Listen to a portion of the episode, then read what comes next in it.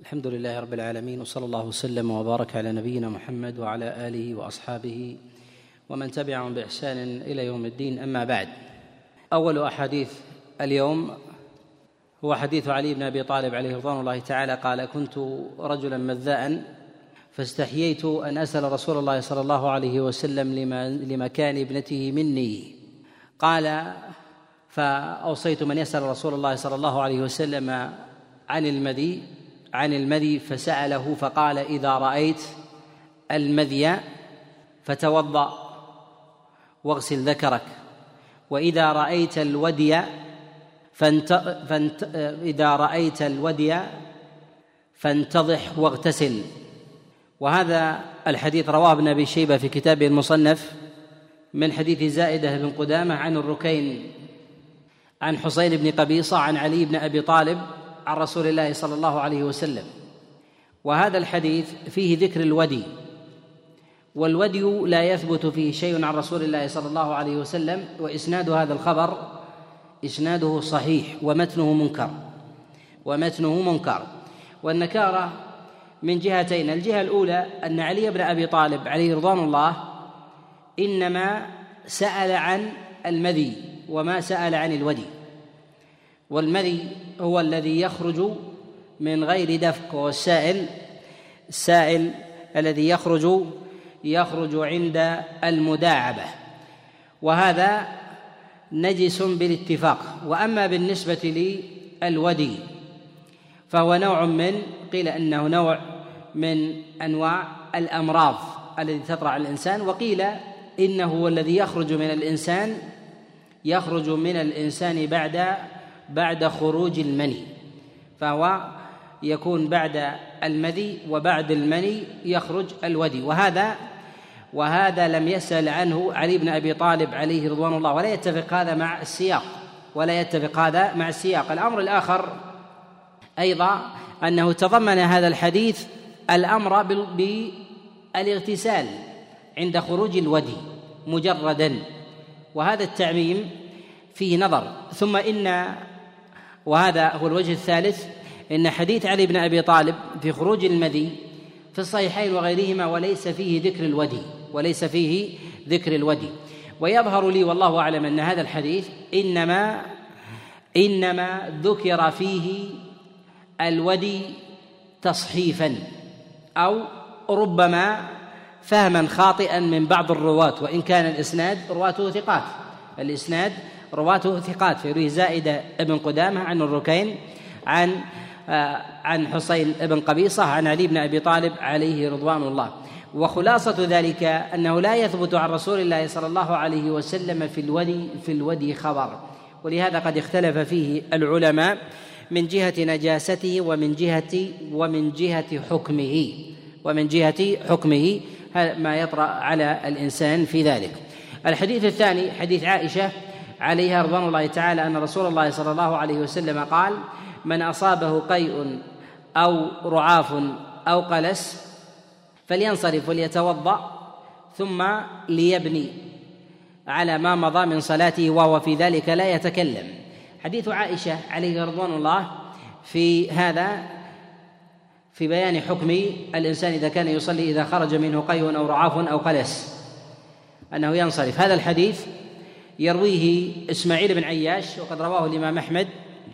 رواه الإمام أحمد وغيره من حديث إسماعيل بن عياش عن ابن جريج عن ابن أبي مليكة عن عائشة عليها رضوان الله عن رسول الله صلى الله عليه وسلم. وهذا الحديث رفعه منكر رفعه منكر. قد تفرد برفعه إسماعيل موصولا طبعا من حديث إسماعيل بن عياش عن ابن جريج. عن ابن أبي مليكة عن عائشة عن رسول الله صلى الله عليه وسلم. واختلف فيه على إسماعيل بن عياش. تارة يروى من هذا الوجه وقد رواه عنه الهيثم الهيثم ابن جميل وهشام بن عمار وأبو الربيع كلهم رواه عن إسماعيل بن عياش عن ابن جريج عن ابن أبي مليكة عن عائشة عن رسول الله صلى الله عليه وسلم موصولا. وهذا الحديث هذا الحديث بكل حال منكر لأن إسماعيل بن عياش روايته عن غير أهل بلده غير محفوظة. روايته عن غير أهل بلده غير محفوظة. وابن جريج مكي وإسماعيل بن عياش شامي. وكذلك أيضا فإن إسماعيل بن عياش رواه عنه رواه عنه غير هؤلاء وخالفوه فيه. رواه عنه داود داود بن رشيد وغيره.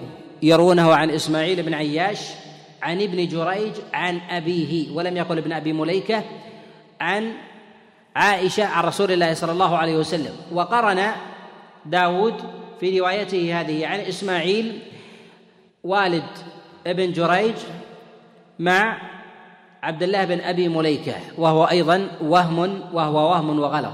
ورواه مرسلا جماعة رواه الربيع بن نافع ومحمد بن الصباح ومحمد بن المبارك كلهم عن إسماعيل بن عياش عن ابن جريج عن أبيه عن رسول الله صلى الله عليه وسلم. وهذا وهذا إرسال يروي محمد بن الصباح ومحمد بن المبارك والربيع كلهم عن إسماعيل بن عياش عن ابن جريج عن أبيه مرسلا عن رسول الله صلى الله عليه وسلم وهذا هو الصواب. وهذا هو الصواب. والدليل على أن هذا هو الصواب أن ابن جريج في روايته لهذا الحديث رواه عنه اثنان. أولهما إسماعيل بن عياش ووقع عليه الاضطراب هذا. الثاني يرويه عنه جماعة غير إسماعيل يرونه عن ابن جريج عن أبيه مرسلا. رواه عبد الرزاق في كتابه المصنف ويرويه أيضا من طبقته عبد الوهاب بن عطاء والدراوردي عن ابن جريج عن أبيه مرسلا عن رسول الله صلى الله عليه وسلم وهو الصواب الصواب في ذلك الإرسال. صوب الإرسال في هذا جماعة الإمام أحمد عليه رحمة الله وكذلك أبو حاتم والدار قطني والبيهقي والدار قطني والبيهقي وغيرهم. أن الصواب في هذا الحديث الصواب في هذا الحديث الإرسال. وهذا الحديث يتضمن مسألة وهي أن الإنسان إذا أصابه قي أو رعاف أو قلس فإنه فإنه ينصرف من صلاته ويتوضأ ثم يرجع ويكمل. في هذه حالتان عند في هذه حالتين عند العلماء الحالة الأولى أنه تكلم تكلم في أثناء ذهابه يذهب ويتوضأ ثم يرجع. إذا تكلم قالوا في هذا يعيد الصلاة يبتدئها من جديد. إذا لم يتكلم إذا لم يتكلم كما في ظاهر هذا الحديث وهو في ذلك لا يتكلم يكمل الصلاة. يعني شخص مثلا صلى الركعة الأولى أو الثانية ثم أصابه قيء. هذا قول له وجه بل له قوته. وقد ثبت عن عبد الله بن عمر وقد ثبت عن عبد الله ابن عمر. هذه المسألة هي من مباحث هذا الحديث ومن مباحثه أيضا أن هناك من يستدل بهذا الحديث على أن القيء والرعاف ينقض الوضوء. وهذه مسألة أخرى هل الانصراف للنقض أم الانصراف أم الانصراف لغيره؟ ظاهر النص أنه لي أنه للنقض. وقد ثبت عن عبد الله بن عمر أنه ينصرف ويأتي ويتم صلاته. وثبت هذا عن عبد الله بن عباس عليه رضوان الله عن عبد الله بن عمر عليه رضوان الله تعالى. وجاء مرفوعا أيضا وهو الحديث الثالث من حديث عبد الله بن عباس أن رسول الله صلى الله عليه وسلم أن رسول الله صلى الله عليه وسلم رعف وهو في صلاته ثم انصرف فتوضأ ثم بنى على صلاته. هذا الحديث يرويه عمر بن رياح وهو مولى عبد الله بن طاووس بن كيسان. عن عبد الله بن طاووس بن كيسان عن طاووس بن كيسان عن عبد الله بن عباس مرفوعا إلى رسول الله صلى الله عليه وسلم. وهذا الحديث قد رواه الدار قطني والبيهقي. وهو حديث منكر. تفرد بروايته عمر بن رياح مولى عبد الله بن طاووس وهو متروك وقد اتهمه بالكذب بعضهم. وهو منكر الحديث وقد تفرد بهذا. وخالفه غيره. والصواب في ذلك أنه من فتي طاووس بن كيسان. ليس من قول عبد الله بن عباس فضلا عن أن يكون مرفوعا. وذلك أن هذا الحديث أن هذا الحديث جاء عند ابن أبي شيبة من حديث سفيان بن عيينة عن عمرو بن دينار عن طاووس بن كيسان من قوله. فكان فكان فتيا فتيا من قوله. والصواب أن هذا الحديث من قول طاووس بن كيسان لا مرفوعا إلى رسول الله صلى الله عليه وسلم. جاء من حديث أيضا من حديث آخر من حديث أبي سعيد الخدري بنحو هذا اللفظ من قول رسول الله صلى الله عليه وسلم. كما رواه الدار قطني وهذا الحديث الرابع. كما رواه الدار قطني في كتابه السنن ورواه أيضا البيهقي من حديث أبي سعيد الخدري أن رسول الله صلى الله عليه وسلم قال من رعف وهو في صلاته فلينصرف وليتوضأ وليبني على ما مضى. يعني يتم. قيل يبني يعني كأن الإنسان كان له بناء فوصل إلى حد معين ذهب وليبني على ما مضى يعني يستمر عليه لا ينشئ شيئا جديدا. فإذا كان مثلا صلى ركعة ثم ثم رعف أو قاء فإنه ينصرف ثم يتوضأ ثم يتم ثم يتم صلاته. هذا هذا قول لبعض السلف وقال به جماعة من الفقهاء. حديث أبي سعيد الخدري هذا حديث أبي سعيد الخدري هذا قد رواه الدار قطني والبيهقي من حديث أبي بكر عبد الله بن حكيم وتفرد به من هذا الوجه تفرد به عبد الله بن حكيم ويرويه عن حجاج بن أرطات عن الزهري عن عطاء بن يزيد عن أبي سعيد الخدري عن رسول الله صلى الله عليه وسلم. وهذا الحديث معلول بعدة علل. العلة الأولى أنه من مفاريد عبد الله بن حكيم أبي بكر وهو واهي الحديث ومتروك وضعفه سائر الأئمة وحديثه لا يرتقي إلى الضعف اليسير بل هو واهي. وقد رواه عن الحجاج بن ارطات والحجاج بن ارطات فيه لين وفيه ضعف وتدليس. وقد روى هذا الحديث عن ابن شهاب الزهري ولم يسمعه ولم يسمعه منه ولم يسمعه ولم يسمعه منه.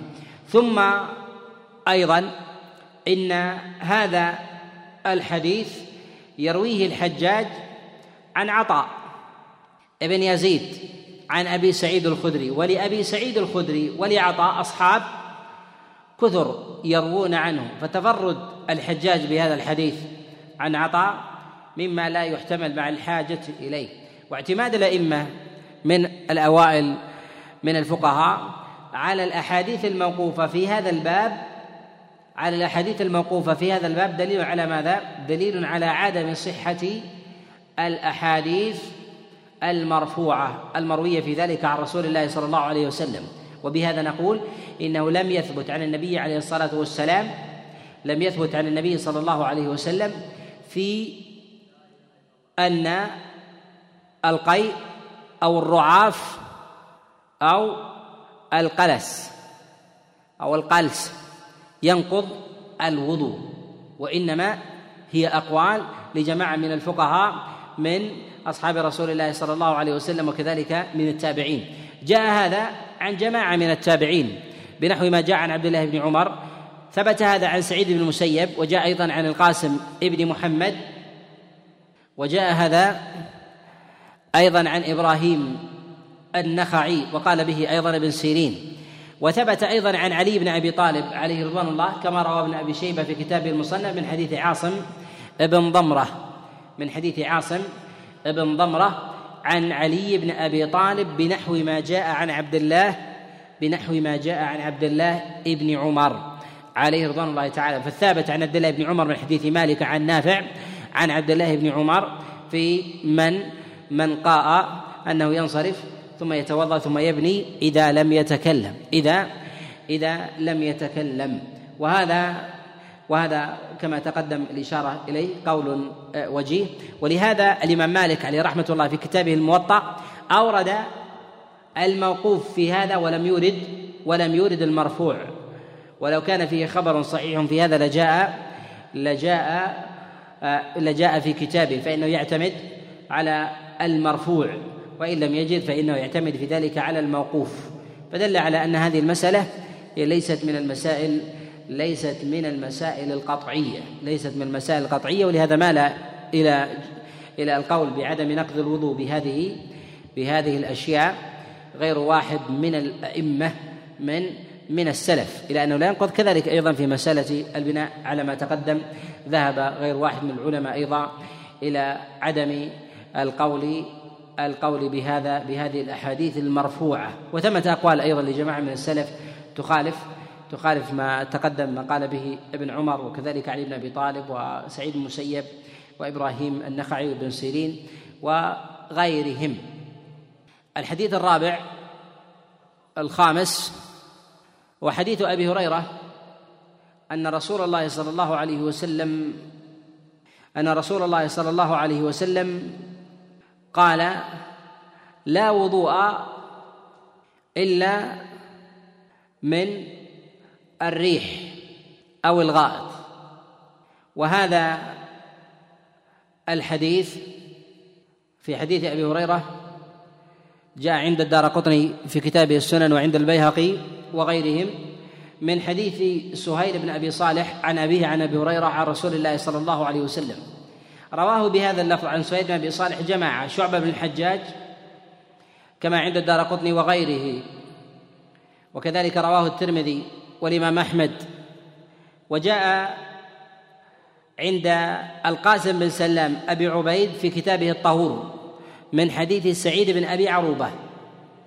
عن سهيل بن أبي صالح عن ابيه عن أبي هريرة عن رسول الله صلى الله عليه وسلم. فتوافقا شعبة بن الحجاج وسهيل بن أبي صالح في روايتهما لهذا الحديث على هذا اللفظ. وهذا الحديث روي بالمعنى.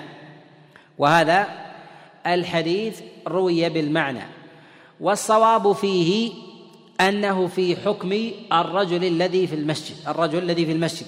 وأن هذا التقييد رواه شعبة بن الحجاج بالمعنى واختصر لفظه. واختصر لفظه الدليل على هذا أن الإمام مسلم قد أخرج هذا الحديث في كتابه الصحيح من حديث جرير ابن عبد الحميد ورواه أيضا محمد بن عبد الله الأنصاري وجماعة يروونه عن سهير بن أبي صالح عن أبيه عن أبي هريرة أن رسول الله صلى الله عليه وسلم قال إذا كان أحدكم في صلاة أو كان في المسجد جاء في رواية في المسجد فلا ينصرف فوجد في بطنه شيئا فلا ينصرف حتى يسمع صوتا أو يجد ريحا أو يجد أو يجد ريحا.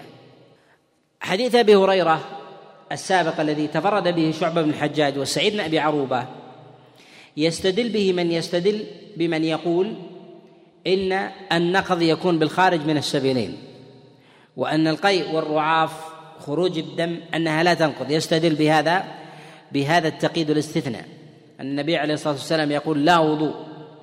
فيعني أنه لا يكون الوضوء إلا إلا من الخارج من السبيلين. إلا الخارج من السبيلين. هذا الحديث جاء من جهة الأصل عن رسول الله صلى الله عليه وسلم في حال معينة. في حال في حال معينة. هذه الحال معينة أن يكون الإنسان في المسجد ويكون في الصلاة. ولهذا العلماء يفرقون بين حال الإنسان في صلاته وبين حاله في غير الصلاة. إذا كان في صلاته يدفعون باب الاحتياط ويقول الاحتياط وسوسة.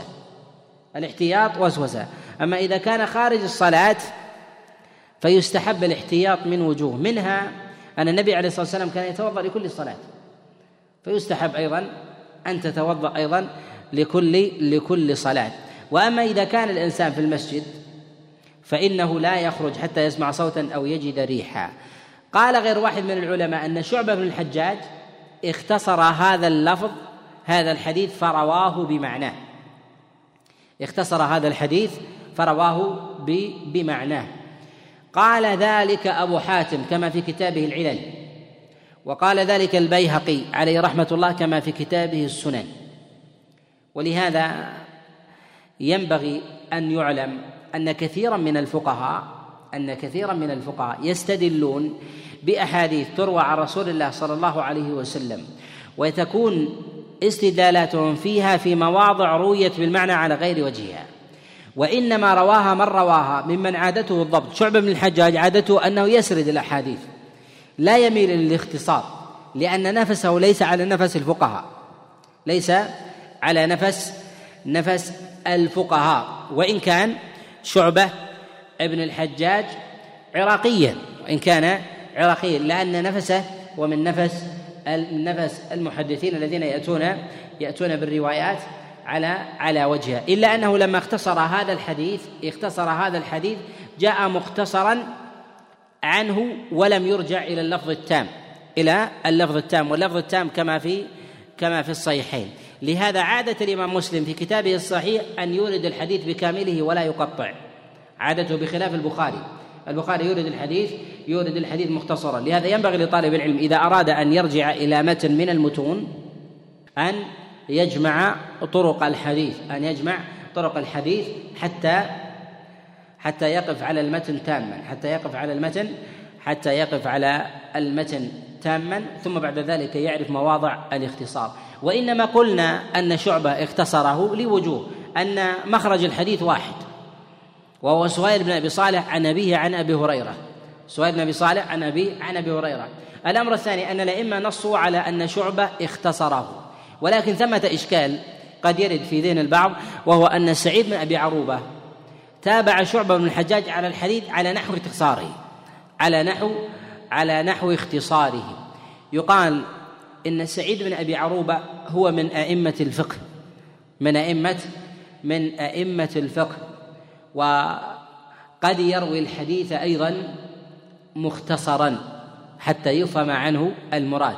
وما ذكر شعبة بن الحجاج ولا سعيد بن أبي عروبة في هذا الحديث ذكر المسجد ان الإنسان إذا كان في المسجد أو كان في الصلاة وإنما عمموا وإنما عمموا الحكم. فحال الإنسان في المسجد يختلف عن حاله عن حاله عن حاله في غيره. الحديث السادس في هذا هو حديث أنس بن مالك عليه رضوان الله تعالى أن رسول الله صلى الله عليه وسلم احتجم في رأسه ولم يتوضأ وإنما غسل محاجمه. غسل محاجمه. والمراد بذلك هي مواضع إزالة الدم غسلها. هذا الحديث رواه الدار قطني في كتابه السنن من حديث صالح بن مقاتل عن أبي عن سليمان بن داود عن حميد عن أنس بن مالك عن رسول الله صلى الله عليه وسلم به. وهذا الحديث حديث منكر. وذلك أن صالح بن مقاتل في روايته عن أبي صالح متروك الحديث وسليمان بن داود وسليمان بن داود أيضا ممن لا يحتج ممن لا يحتج بحديثه ممن لا يحتج بحديثه. وقد تفرد بهذا الحديث وهذا المعنى عن رسول الله صلى الله عليه وسلم. وحديث حميد كثيرة وله أصحاب أصحاب كثر يروون حديثه عنه. وتفرد سليمان بن داود في روايته لهذا الحديث عن حميد مع كون أصحابه في ذلك كثر. دليل على أن هذا الحديث فيه غرابة من جهة المتن. فيه غرابة فيه غرابة من جهة المتن. فربما كان موقوفا أو رأيا فقهيا فرووه وجعلوه وجعلوه مرفوعا. ولهذا قد أخرج الدار قطني عليه رحمة الله هذا الحديث مبينا علته ونكارته. وقد ضعف صالح بن مقاتل الدار قطني عليه رحمة الله وغيره بعد إخراجه لهذا بعد إخراجه لهذا لهذا الحديث. وهذه المسألة وهي مسألة غسل المحاجم قد جاءت عن غير واحد من السلف. جاءت عن غير واحد من السلف. جاءت عن عبد الله بن عمر كما رواه البيهقي وغيره من حديث عبيد الله ابن عمر العمري عن نافع عن عبد الله بن عمر أنه احتجم فغسل فغسل محاجمه وجاء ذلك عن جماعة وجاء ذلك عن جماعة من السلف. هل هذا الموقوف يشهد لذلك المرفوع إلى رسول الله صلى الله عليه وسلم؟ لا يشهد له. لماذا؟ لشدة ضعف المرفوع. لشدة ضعف المرفوع. وأما بالنسبة للموقوف للموقوف في هذا فيكون هذا مما يقوي القول بالمسألة ولا يلتفت إلى المرفوع الوارد في ذلك لشدة لشدة ضعفه. بل إن الأحاديث الموقوفة إذا وجدت واعتمد عليها الفقهاء ولم يعتمدوا على المرفوع فإن هذا من علامات اطراح المرفوعات في هذا في هذا الباب. والأئمة الكبار كالإمام أحمد عليه رحمة الله وابن معين وعلي بن المديني والبخاري في كتابه الصحيح كذلك التاريخ ونحو ذلك والترمذي أيضا في كتابه السنن في بعض كلامهم على المسائل يريدون بعض الأحاديث القاصرة أو يحتجون ببعض الموقوفات ببعض الموقوفات مع وجود مرفوعات في الباب. مع وجود مرفوعات في الباب. فإذا وجدت مرفوعات في هذا الباب والعلماء الأوائل قد احتجوا بالموقوفات فإن من هذا من علامات فإن هذا من علامات ضعف المرفوع في ذلك. ضعف المرفوع. والذي يذهب إليه بعض بعض المحدثين من أن الموقوف يعضد المرفوع على الإطلاق. يعضد المرفوع على الإطلاق يقال إن الموقوفات قد تضعف المرفوع ولو كانت موافقة له. ولو كانت موافقة له. وهذا وهذه المسألة في مسألة العضد وعدمه موقوف للمرفوع له طريقتان. الطريقة الأولى في مسألة أن يعضد الموقوف المرفوع. أن يعضد الموقوف المرفوع. في هذا إذا جاء المرفوع إلى رسول الله صلى الله عليه وسلم وفيه وفيه ضعف يسير. فيه ضعف فيه ضعف يسير يحتمل لكنه يحتاج إلى أحد يحمله. فجاء موقوف في هذا عن رسول الله صلى الله عليه وسلم وهذا الموقوف ليس عن ذات الصحابي وإنما هو عن صحابي آخر. عن صحابي آخر فيقال إن المرفوع قد ي... إن الموقوف هنا يعضد يعضد المرفوع. الوجه الآخر في مسألة الرد أن الموقوف يرد المرفوع وهذا له صور صور كثيرة. تقدم الإشارة إلى شيء منها من يذكر شيء مما تقدم أن الموقوف يرد يرد المرفوع.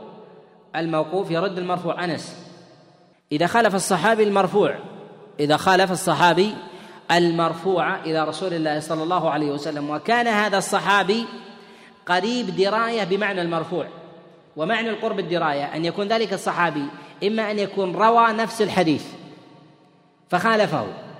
مثلا عبد الله بن عمر يروي حديث عن النبي عليه الصلاة والسلام ثم له فتية في في في المصنفات تخالف ذلك المرفوع الذي رواه. أيهما يضعف الآخر؟ الموقوف يضعف المرفوع هذا نهج الأئمة. الفقهاء والمتكلمون يقولون إن المرفوع يضعف الموقوف لأنهم يقولون العبرة بما رواه الراوي لا بما رآه. هذه القاعدة هي صحيحة؟ قاعدة صحيحة أم لا؟ ليست بصحيحة بهذا الإطلاق. ليست بصحيحة بهذا الإطلاق. بل يقال إن العبرة فيما يراه الراوي إذا خالف مرفوعه هو. لا كل مرفوع. إذا خالف المرفوع عن النبي عليه الصلاة والسلام على سبيل العموم وثبت المرفوع عندنا نقول العبرة بالمرفوع. لكن أن يكون صحابي يروي مرفوعا إلى رسول الله صلى الله عليه وسلم ويروى عنه فتيا في موقوف تخالف المرفوع الذي رواه هو بنفسه هذا من علامات ضعف المرفوع عنده. من علامات ضعف المرفوع عنده. ولهذا تجد جل مخالفات الصحابة عليهم رضوان الله للأحاديث المرفوعة عن النبي عليه الصلاة والسلام مما يروونها أن أسانيد المرفوعات ضعيفة وأحاديث وأسانيد الموقوفات صحيحة أسانيد الموقوفات صحيحة وهذا يدل على ضعف على ضعف المرفوعات. وهذا باب في مسألة تصحيح الأحاديث بمجموع الطرق له وسائل قد تقدم الإشارة إليها. قد يصحح الحديث بالقرآن. كيف يصحح الحديث بالقرآن؟ مع أنه ليس من بابه من جهة الرواية. القرآن كله متواتر. نقول العلماء ينكرون المتون لمخالفتها الأصول. ما هي الأصول؟ الأصول الكلية المستقرة.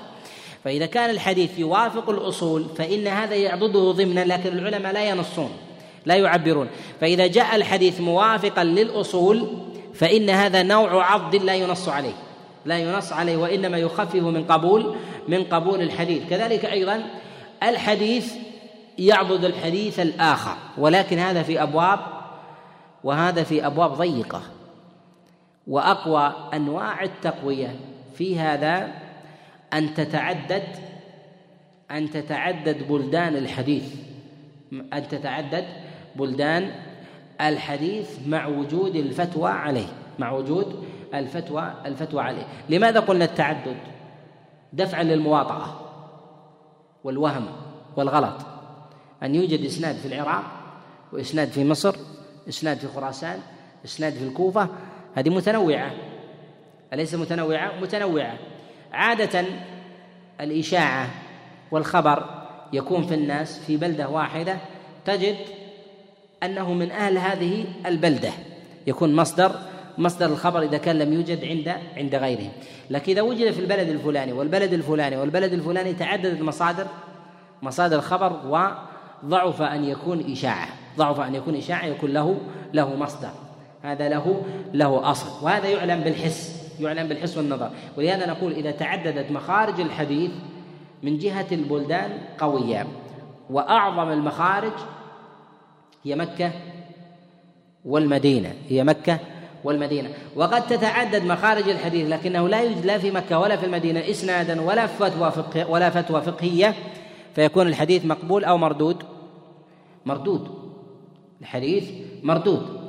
إذا وجدنا وهذا يحسم كثير من القضايا في تصحيح الأحاديث بمجموع الطرق تصحيح الأحاديث بمجموع الطرق.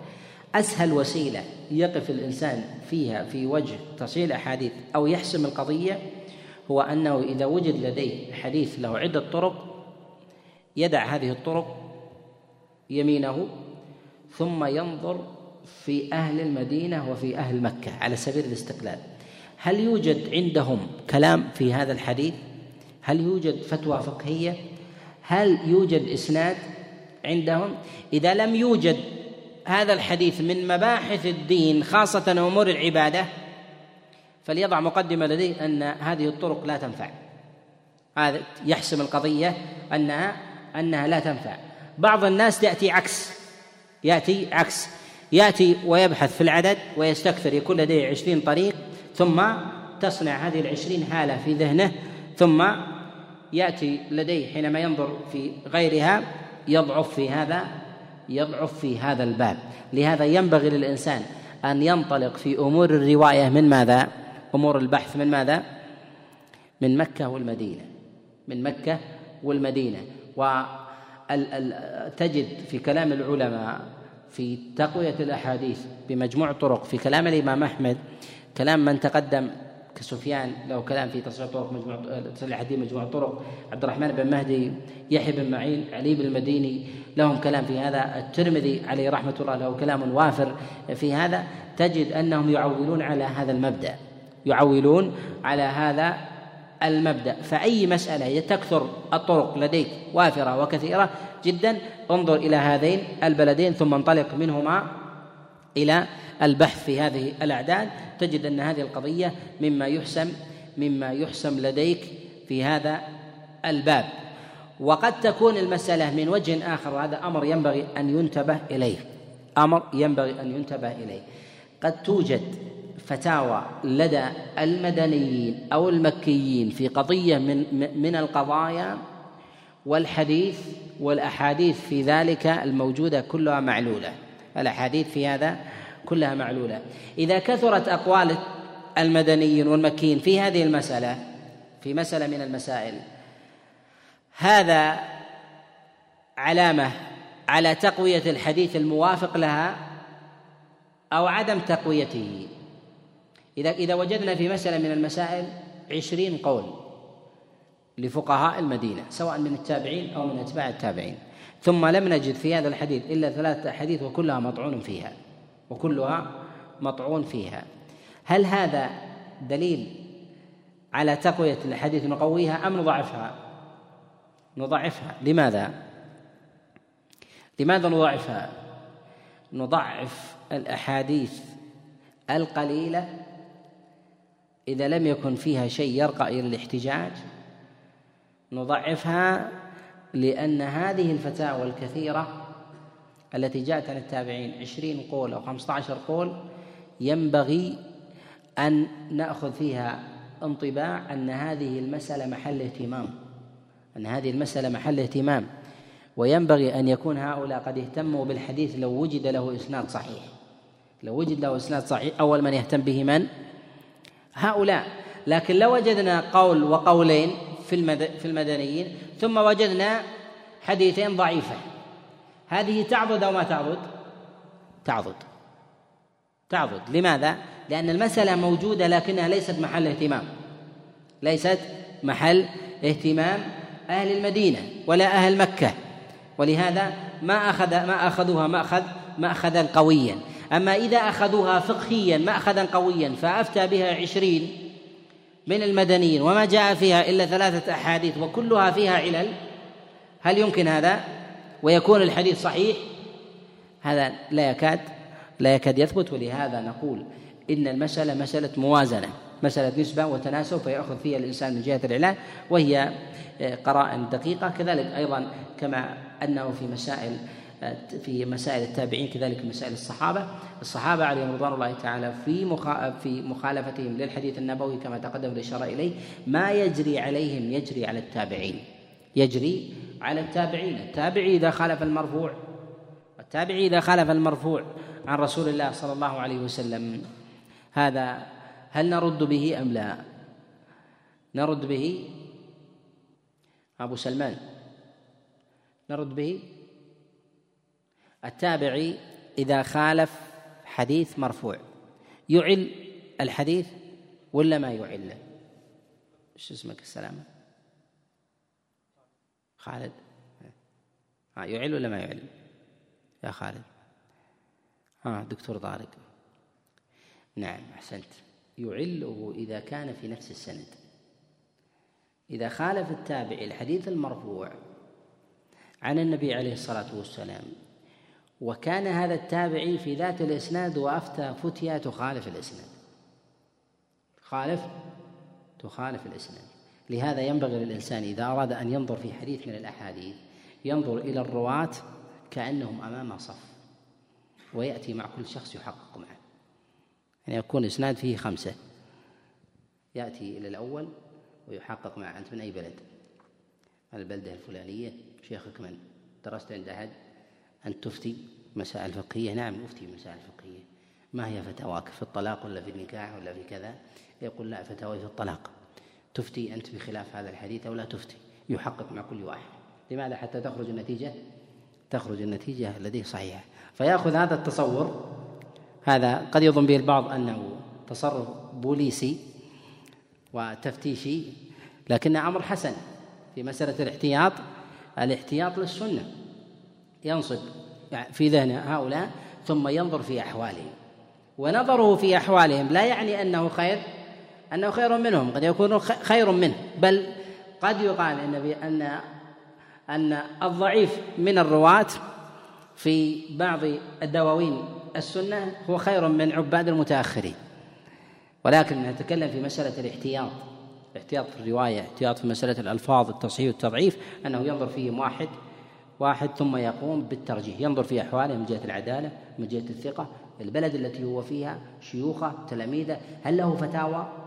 أم ليس له فتاوى؟ لهذا ينبغي لطالب العلم أيضا أن يقوم يضع له مدونة في نفسه لهؤلاء الرواة الذين امتازوا في نوع ميزة فقهية خصائص ونحو ذلك بحيث يحفظهم مع الممارسة ويستطيع أن يميز.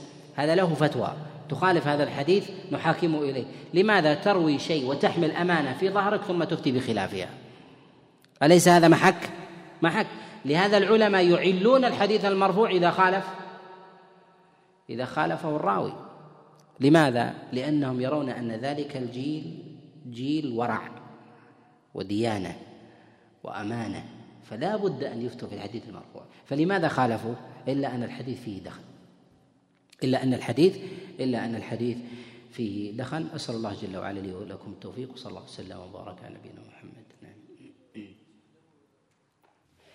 يقول إذا كان ليس من السند. راوي راوي خالف حديث ليس من السند. هذا لو نأخذ به أعلينا السنة كلها لأنه ما من حديث إلا وثمة مخالف. لا بد أن يكون في نفس.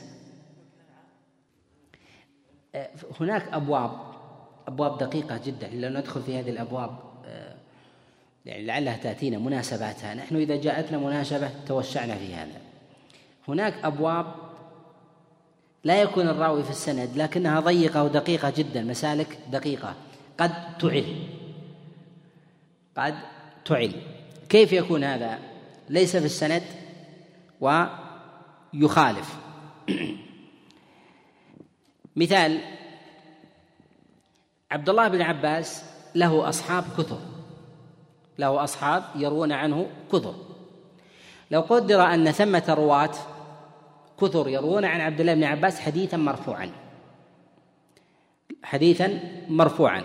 هذا الراوي عن عبد الله بن عباس هو عكرمة مثلا. عكرمة ليس له قول لا بموافقة ولا مخالفة إنما روى هذا الحديث فقط. هناك رواة قد يجعلون الإنسان يتحفظ عن مضمون هذا الحديث. من جهة أنه روي بمعنى أو يتعولونه حتى لو كان قول الإسناد بمخالفة أشخاص ليسوا موجودين. كيف؟ أن يطبق أصحاب عبد الله بن عباس كلهم على مخالفة هذا الحديث. على مخالفة هذا الحديث. تأتي إلى أصحاب عبد الله بن عباس سواء من أهل المدينة أو من أهل مكة أو من غيرهم تأتي إلى عطاء تأتي مثل ما يروي عن عبد الله بن عباس كابن سيرين تأتي إلى مجاهد بن جبر وغيرهم. الذين يروون عن عبد الله بن عباس وتبحث في فتاويهم تجد أن هؤلاء يطبقون على خلاف هذا الحديث. لكن عطاء بحثت عنه لم تجد عنه لا فتوى ولا ولا مخالفة لهذا. لكن تجد أصحاب عبد الله بن عباس كلهم يخالفون المرفوع.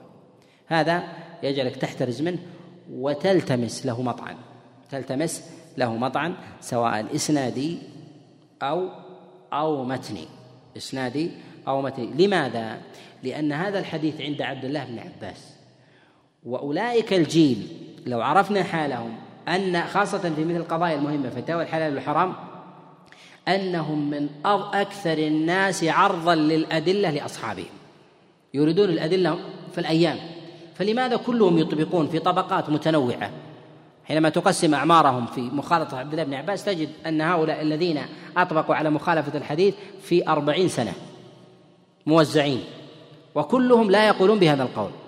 وهذا يعطي أن إشارة إلى المتن في نكارة لهذا هذا من المسالك. وهي قليلة أيضا قليلة ونادرة في هذه في أبواب العلل. نعم يا أنس.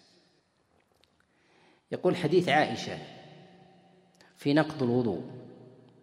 حديث عبد الله بن عمر عليه رضوان الله في المرفوع في الموقوف على عبد الله بن عمر. هل هو في النقض أم في عدمه؟ ظاهر ما جاء عن عبد الله بن عمر في هذا أنه ذهب فتوضأ ثم رجع وبنى في صلاته. هل عبد الله بن عمر يرى النقض أم لا؟ الذي يظهر والله أعلم أن عبد الله بن عمر لا يرى النقض لأن له فتيا له فتيا في هذا. واحتمال الإنسان خاصة النبي عليه الصلاة والسلام في هذا الحديث نقول ضعيف لكن ننسبه كما نسب في قوله من قاء أو رعف. تخصيص هذين الشيئين أن الإنسان إذا خرج منه صعب أنه يتم الصلاة وإلا لا؟ الإنسان أصابه طيب. ماذا يصنع؟ يخرج. لابد أن يخرج إلا في حالات نادرة إذا كان الشيء يسير جدا. كذلك أيضا في الرعاف. الرعاف إذا خرج من الإنسان هو الرعاف الذي يسيل. قد يكون مرض لدى الناس مرض يخرج منه دائما. وهذا يلزم منه الانصراف. ولهذا قال فلينصرف فليتوضأ. قال بعض العلماء إن الوضوء في هذا الحديث لو ثبت ليس المراد بذلك هو الوضوء التام وإنما هو غسل ما خرج من ما خرج من الإنسان. وعلى هذا نقول لما جاء عن عبد الله بن عمر هو انصراف. هل هذا الانصراف يعني النقض؟ نقول لو قال عبد الله بن عمر بعدم النقض ماذا سيصنع؟ لازم يخرج. لازم يخرج من الصلاة. لأنه قيء ورعاف. ماذا يصنع؟ لا بد أن يخرج ينصرف من الصلاة. بقي لدينا مسألة الوضوء. هذه. هل هو رآها فرضا؟ لأنها ناقضة. أم تطيبا واستحسان؟ هذه الأمور المحتملة ماذا ماذا يحسمها؟ يحسمها النصوص الأخرى. جاء عن عبد الله بن عمر أنه خرج منه دم ولكنه ما توضأ. إذا قلنا بأن الدم ينقض فالناقض القليل والكثير. كما أن المفطر الذي يفطر الإنسان في الطعام طعام قليل والكثير. وضع الإنسان أكل الإنسان عمدا حبة رز أو أكل أو أكل إناء تاما فهو فهو مفطر. كذلك أيضا في النقض القطرة من البول والبول التام كله كله ينقض ينقض وضوء الإنسان. وإذا قلنا بأن الدم ناقض فيلزم أن القطرة كذلك أيضا الدم الكثير كذلك أيضا نقول بنقضه. فلما جاء عن عبد الله بن عمر أنه خرج منه دم يسير ولم يتوضأ دليل على أنه انصرافه ذلك هو لإزالة القدر الذي يكون عليه لا لنقض. الوضوء. نعم. من يعرف القلس؟ القلس الصديد. الصديد. إذا خرج من الإنسان صديد. لا يظهر هذا. في مسألة يقول تصحيح الأحاديث مجموع الطرق هل هذا له أثر على المذهب مذهب الإمام أو تأثره بالمتكلمين؟ لا يظهر هذا وإنما هي مدارس. يوجد من علماء السلف من يتساهل في هذا الباب من المتأخرين وهو سلف العقيدة. ومن العلماء من يشدد في هذا في هذا الباب وإن كان كذلك أيضا سلفيا فمسألة التوجه والمذهب.